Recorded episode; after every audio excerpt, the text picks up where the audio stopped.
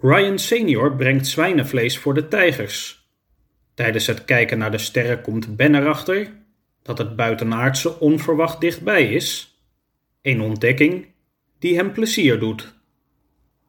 Hoofdstuk 52 Terug naar normaal. Heb je het al gehoord? Volgende week gaan de scholen hier in Mississippi weer open. Dat betekent dat Brandon en Nicole ook weer naar school kunnen. Ik heb het ze nog niet verteld. Ze zullen het niet leuk vinden. Maar het is hun laatste week hier. Dat is onverwacht nieuws, Melissa. Oroka keek om zich heen naar het inmiddels vertrouwde beeld van druk bezige kinderen in een decor van speelgoed, leerwerkjes en lage stoelen. Dan zullen we eind deze week afscheid moeten gaan nemen. Ook de andere ouders spraken met Oroka over de heropening van de scholen en het naderend vertrek van hun kinderen. Smiddags, in de kring, besloot Oroka het nieuws met de groep te delen. Nicole begon te huilen toen het nieuws tot haar doordrong. Brandon troostte zijn zus en vertelde haar, op bijna volwassen toon, alsof hij soortgelijke situaties al veel vaker had meegemaakt, dat dit soort dingen nu eenmaal bij het leven hoorden. Dat het bericht bij hem ook voor een schok zorgde, liet hij verder niet merken. Jammer, zei Lissy, maar dan kan ik wel weer met mijn vriendinnen op school spelen. En dat vind ik ook leuk. Ellie dacht er ook zo over. Pete en Ryan gaven, net als Brandon, weinig blijk van emoties. Carlos en Shelley hadden met name moeite met het idee dat ze afscheid zouden moeten gaan nemen van hun boomhut, een project dat had geleid tot een flink bouwwerk, waar inmiddels zelfs al ramen en een deur in zaten en waar ze nog allerlei plannen voor hadden. De laatste dag op de White Pony werd er taart gegeten en deelden de ouders en kinderen verschillende cadeautjes uit. Oroka kreeg een Amerika reisgids, Ro een zilverkleurig halskettingje waar een rood hartje aan hing, Ben kreeg vier jongleerballen en Wubbel kreeg een door de moeder van Ellie speciaal voor hem gebreide sjaal. Wat gaan we nu doen, O? vroeg Ro een paar dagen later, terwijl ze met Wubbel en Oroka buiten aan tafel zat. Ik ben er wel klaar mee hier, zei Wubbel, die van zijn stoel opfladderde en op tafel ging staan. De watertjes en meertjes hier in de omgeving ken ik inmiddels wel. De eenden en de ganzen die er wonen hebben me ook niets nieuws meer te melden. Ik vind het een mooi moment om weer eens verder te reizen. Dat vind ik ook. Hoe denk jij daarover, Ro? Ro keek naar het landhuis, dat, zo zonder de drukte van de kinderen, opeens wel erg groot en leeg aanvoelde. Ja, dat kunnen we doen. Ze keek naar het dak, waar het geklop van een hamer klonk. Maar wat doen we dan met Ben en met Streep en Klauw? Ik kan Joe bellen. Misschien wil hij Streep en Klauw wel terug. En ik zal met Ben bespreken wat zijn plannen zijn. Ben stopte met hameren en klopte wat houtslijpsel van zijn broek, terwijl hij naar Oroka luisterde. Jammer, maar ik zal jullie natuurlijk niet tegenhouden.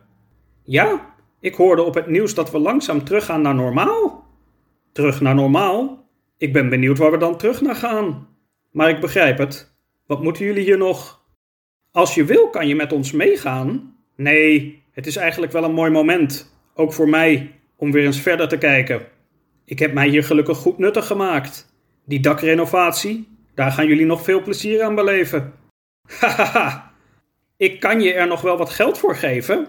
Wel nee, zo bedoel ik het niet. Het was fijn om hier te zijn. Dat is meer dan genoeg. Even later probeerde Oroka Joe te bereiken, maar dat lukte niet.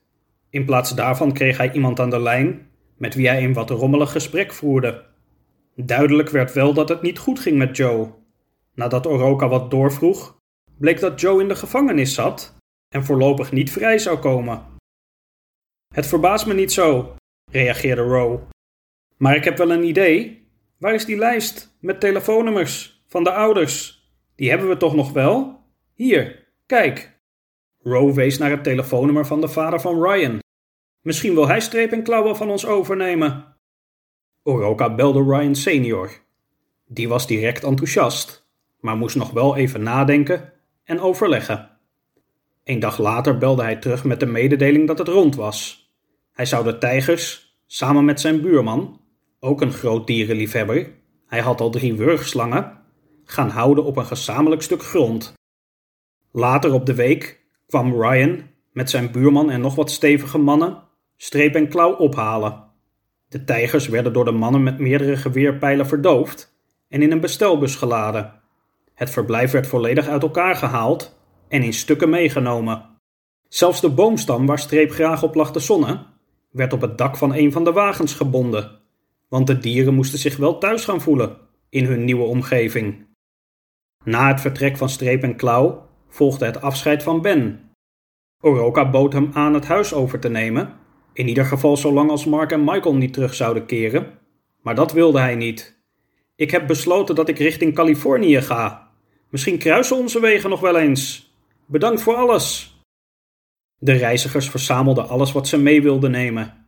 Ze sliepen nog een laatste nacht in het huis en ontbeten nog een laatste keer buiten aan de tafel. We kunnen ook de Chrysler van Michael nemen, zei Roe, terwijl ze met Oroka het rode wagentje begon vol te laden. Heeft hij daar iets over geschreven in die brief? Nee, daarom. Als hij dat niet zou willen, had hij het wel geschreven. Roe en Oroka liepen naar de Chrysler, die een paar meter naast het rode wagentje stond. Alles straalde snelheid uit. Ik weet niet of we al onze spullen daarin wel kwijt kunnen, zei Oroka, terwijl hij naar de gouden, blinkende velgen van de wielen keek. Dat weet ik wel zeker. In het kantoor van Michael vond Roe de sleutels van de Chrysler. De laadruimte bleek inderdaad groot genoeg om alle spullen die ze mee wilden nemen in kwijt te kunnen. Roe nam met een iPad plaats op de achterbank, Wubbel op de bijrijdersstoel. Oroka trok de deur van het landhuis achter zich dicht en ging achter het stuur zitten. Hij bekeek het interieur van de wagen, dat volledig uit zwart leer en glanzend hout bestond. Hij startte de motor. Vaarwel, huis, zei Roe, terwijl ze over het landgoed naar de weg reden. Wij gaan nieuwe avonturen beleven. Op de weg hoefde Oroka het gaspedaal amper in te drukken om snelheden boven de 100 km per uur te halen. Roe boog naar voren en drukte op een knopje van het dashboard. De radio sprong aan. Een nieuwslezer las een paar lokale nieuwsberichten voor. Een brandweerman had een hond gered uit een vuilcontainer. Een vrouw had op een bingoavond maar liefst 12 kilo aan chocoladerepen gewonnen. Een zwembad had na vier jaar een badmeester ontslagen omdat hij geen zwemdiploma's bleek te hebben. Na het nieuwsbulletin zetten twee muzikanten die in de studio aanwezig waren een vrolijk gitaarliedje in.